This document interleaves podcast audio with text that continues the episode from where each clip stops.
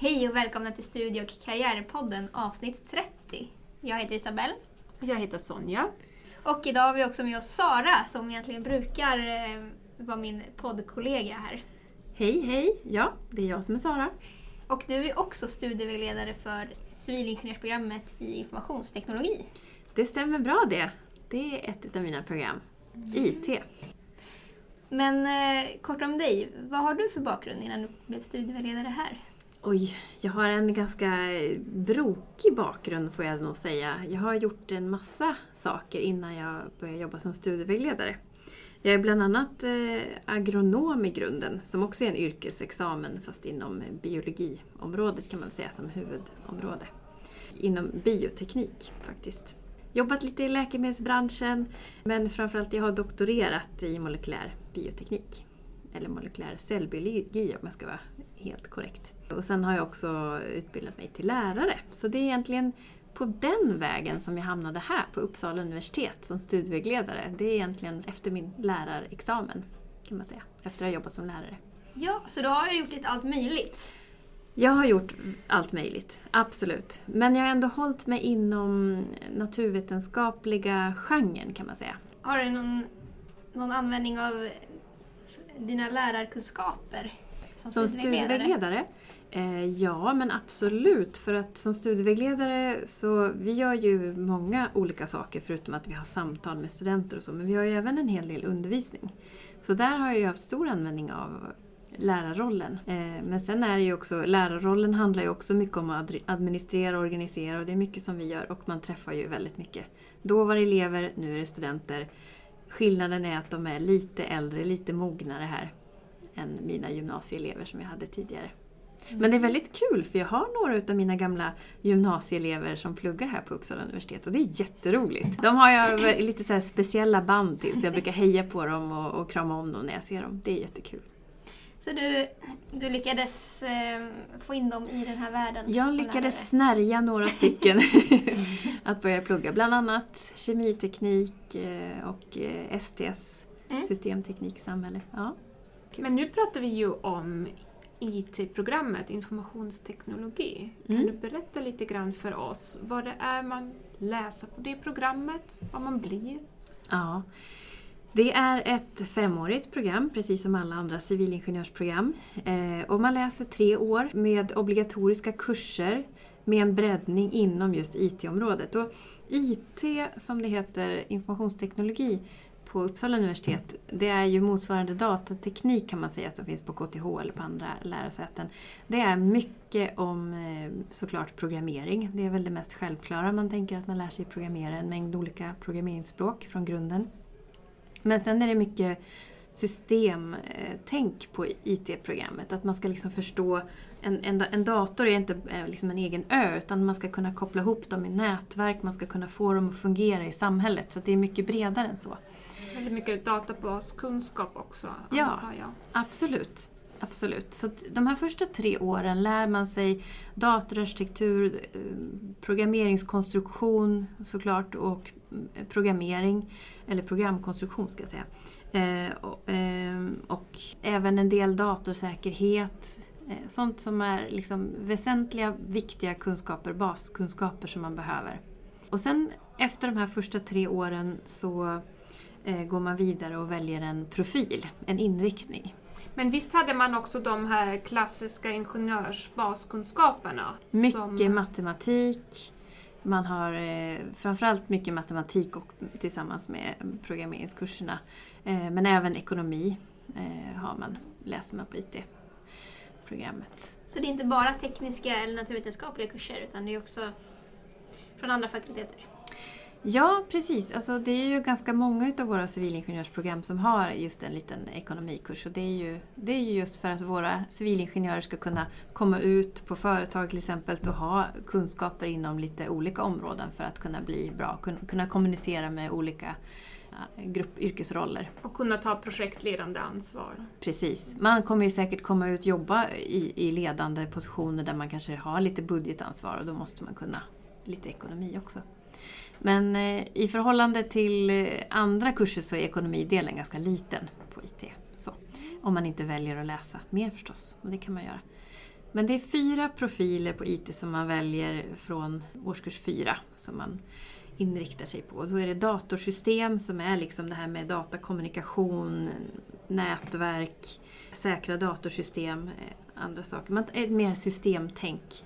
Sen har du eh, en annan som är lite mer inbyggda system, alltså mer datorer som finns i alla apparater vi har runt omkring oss. Eh, mobiltelefoner eller i en stor lastbil. Liksom. Det, det, är inbyggda system. Det är mycket regler, reglersystem eh, och få det att funka. Liksom. Sen har du en inriktning som är mer mot gränssnitt och att kunna göra, alltså framförallt är det programmering, men att göra, tänka på användbarhet för alltså vi som använder datorer men som inte är programmerare. Alltså våra, våra IT-system måste ju liksom funka i samhället och det finns en inriktning för det. Eh, människa, maskin, samhälle heter den inriktningen. Sen finns det en inriktning som är eh, mer programmeringsinriktning och att få datorer att fungera som kraftfulla beräkningsverktyg, liksom, bland annat. Programmera så det är riktigt snyggt utan onödigheter ja, och genvägar. Ja. Så det verkar som att det är ett brett program med mycket att välja på. Otroligt brett program. Alltså Ja. Det här är ett av de civilingenjörsprogrammen som har flest valbara kurser. Och det är ju en enorm fördel men det gör också att det är svårt för studenterna att välja. Vad ska man egentligen inrikta sig på? Eh, många är ju intresserade, just nu är det ju väldigt hett med machine learning, maskininlärning, liksom, att robotar och artificiell intelligens. Det kommer ju väldigt starkt nu. Eh, så att där är det ju många som vill läsa mer sådana kurser och det kommer också utvecklas fler kurser inom det området. Men det är mycket att välja på. Och jag skulle vilja säga, de studenter som frågar mig vad man kan eh, jobba med eller vad man ska inrikta sig på. Liksom, det är allt möjligt från apputveckling till ren programmering till att jobba mer med system, systemadministratörer, liknande, datorarkitektur. Det finns en otrolig spridning. Den här väldigt snabbutvecklande branschen låter ju som om det ställer väldigt höga krav på utvecklingen av programmet. På väldigt kontinuerlig basis. Absolut, och det görs ju hela tiden. Jag skulle säga att IT-programmet är väl ett av de programmen som ändras mest från år till år. Därför att hänga med i den här snabba utvecklingen. Eh, och det är ju både bra och dåligt kan jag säga. Som studievägledare kan det vara lite jobbigt för att försöka få ihop vettiga studieplaner för studenter som har varit, tagit uppehåll eller så och ska komma tillbaka. Men framförallt är det ju bra för studenterna att de får en bra utbildning som verkligen ligger rätt i tiden och kommer ge dem rätt kompetens för alltså sitt yrkesliv. Ja men precis, så det som du har berättat nu att det finns så mycket att välja på och att det är en föränderlig eh, bransch så det betyder ju också att studenterna börjar ha väldigt bra chanser ute på arbetsmarknaden. Just nu har de nästan lite för bra chanser på arbetsmarknaden därför att jag kan se ett litet problem att det, man kanske får ett jobb efter sitt exjobb men så kanske man har någon liten släpande kurs så då tar man inte ut sin examen. Vilket är lite synd. Ja, inte bara synd, det kan ju leda till problem när branschen inte går lika bra. Ja, exakt. Så att, men det är ju otroligt eh, stor efterfrågan just nu på våra studenter. Och eh, många studenter väljer faktiskt att efter tre år kan man ju då också ta ut en kandidatexamen i teknik. Och det är ju många som väljer att ta ett litet break då och jobba lite för att sen komma tillbaka och slutföra sin civilingenjörsexamen. Därför att man, det finns sådana möjligheter just nu. Det låter ju också som de stora valmöjligheterna öppna för utlandsstudier på ett väldigt enkelt sätt. Stämmer det? Är det många som åker på utbytesstudier? Ja, IT-studenterna tycker jag är ganska duktiga på att ta sig ut på utbytesstudier och det är ju jättebra.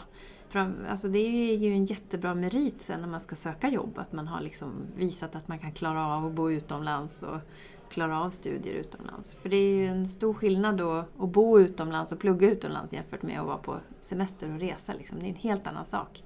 Och det är en otroligt bra merit. Så att det, IT är ett förhållandevis lätt ämne om man vill plugga utomlands. Och sen är det ju också väldigt många företag som är multinationella i den branschen, eller hur? Då kan det väl vara extra bra. Ja, exakt. Och jag menar, språket på många av kurserna är ju oftast engelska. Det kommer man märka som IT-student ganska tidigt att kurserna ges på engelska. Eller man har lärare som man ger kursen på svenska men lärarna kommer själva från eh, utomlands ifrån så att den ges väldigt mycket av språket är på engelska. Och det är ju en, eh, det visar ju också hur pass globalt det här ämnet är. Liksom det, Om man funderar på att söka programmet, vad brukar det vara för intagningspoäng? Den ligger, nu senast eh, har ju antagningspoängen ökat ganska mycket på IT eftersom det är populärt just nu och arbetsmarknaden är, eh, har en stark, är stark just nu. Så eh, mellan 17,5 och 19 var det senaste året, hösten 2016. Så det är ganska högt. Man kan alltid göra högskoleprovet också, som en andra chans. Absolut, högskoleprovet finns alltid. Mm. Och behörigheten är? Ja, A9. Områdesbehörighet A9. Så det är alltså matte 4, fysik 2 och kemi 1. Precis, som för alla våra civilingenjörsprogram. Absolut. Yes. Utöver den grundläggande behörigheten. Ja.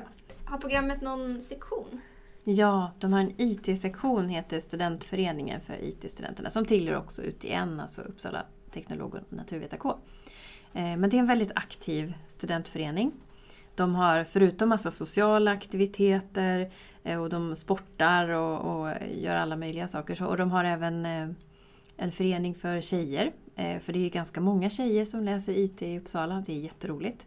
De har en egen PR-amanuens som hjälper och skickar ut så fort det kommer någon jobb eller något företag som vill komma i kontakt med studenter som jobbar väldigt aktivt med det. Och de ordnar olika så här, events med företag och luncher och så. Så de är superaktiva och de har en egen liten skrubb, eh, skrubben på ITC, Pollaxbacken, där IT-studenterna mestadels håller till. Eh, det är ett, eget, ett rum där de har lite, man kan köpa lite fika, man kan sitta och plugga och bara hänga. Jättetrevligt. Jag brukar själv gå dit och säga hej ibland. Så börjar man på IT-programmet här så får man också den sociala delen på köpet? Ja, absolut. Alltså man, man hamnar ju i en klass, vi tar ju in 60 studenter, det är en ganska stor klass och mycket i början läser man tillsammans med de som läser kandidatprogrammet i datavetenskap. Så man är ju väldigt många och man, man umgås ju säkert, alltså i mottagningen, det är det som jag tycker är så fint också, man, man träffar andra studenter från andra program också. Men samtidigt som man har det där lilla i sin egen klass och så, det, det är tryggt. Så både i det stora och det lilla så är det trevligt att plugga här. Vad ser du då som fördel med att läsa IT just på Uppsala universitet? Jämfört med andra lärosäten? Precis. Ja, det finns ju såklart andra lärosäten som ger eh, jättebra utbildningar men Uppsala är ju en fantastisk studiestad att plugga i. Och det finns ju väldigt mycket bra forskning på IT-institutionen på Uppsala universitet. Så att man har verkligen goda möjligheter om man nu inte känner sig riktigt redo för att ta sig ut i, i näringslivet direkt efter examen så kan man forska, forska studera, bli doktorand helt enkelt. Eh, det finns jättegoda möjligheter. Och vi har varit inne på det lite grann, men om man ska nämna mer om vad brukar studenterna hamna efter examen? Ja, alltså här kan man ju, det finns ju såklart studenter som hamnar på sådana här ställen som Google, Spotify, de här coola företagen. Eh, för det är ju många som, som vill dit och det är absolut, de chanserna finns. Eh, sen flera som startar, har, är med i de här spelföretagen till exempel. Det, det finns eh, IT-branschen kan man väl säga är väl den största sektorn för våra IT-studenter. Men sen är det ju IT och datorer finns ju i alla branscher. Alla, eh, för, företag. alla företag har ju IT, någon, någon form av IT-ansvarig eller så. Och det kan ju absolut vara en, en student från IT-programmet i Uppsala. Så det, jag skulle väl egentligen säga att det kan vara vad som helst. Det kan vara stora industrier, det kan vara fastighetsföretag, eh, det kan vara myndigheter, allt möjligt. Det låter att man blir ganska flexibel också med sin arbetsort. Ja. Ungefär som när man är läkare. Det finns alltid plats för en läkare, det finns alltid plats för en IT-are. Ja, precis. Och även i världen liksom, globalt så finns det arbetsmöjligheter. Mm.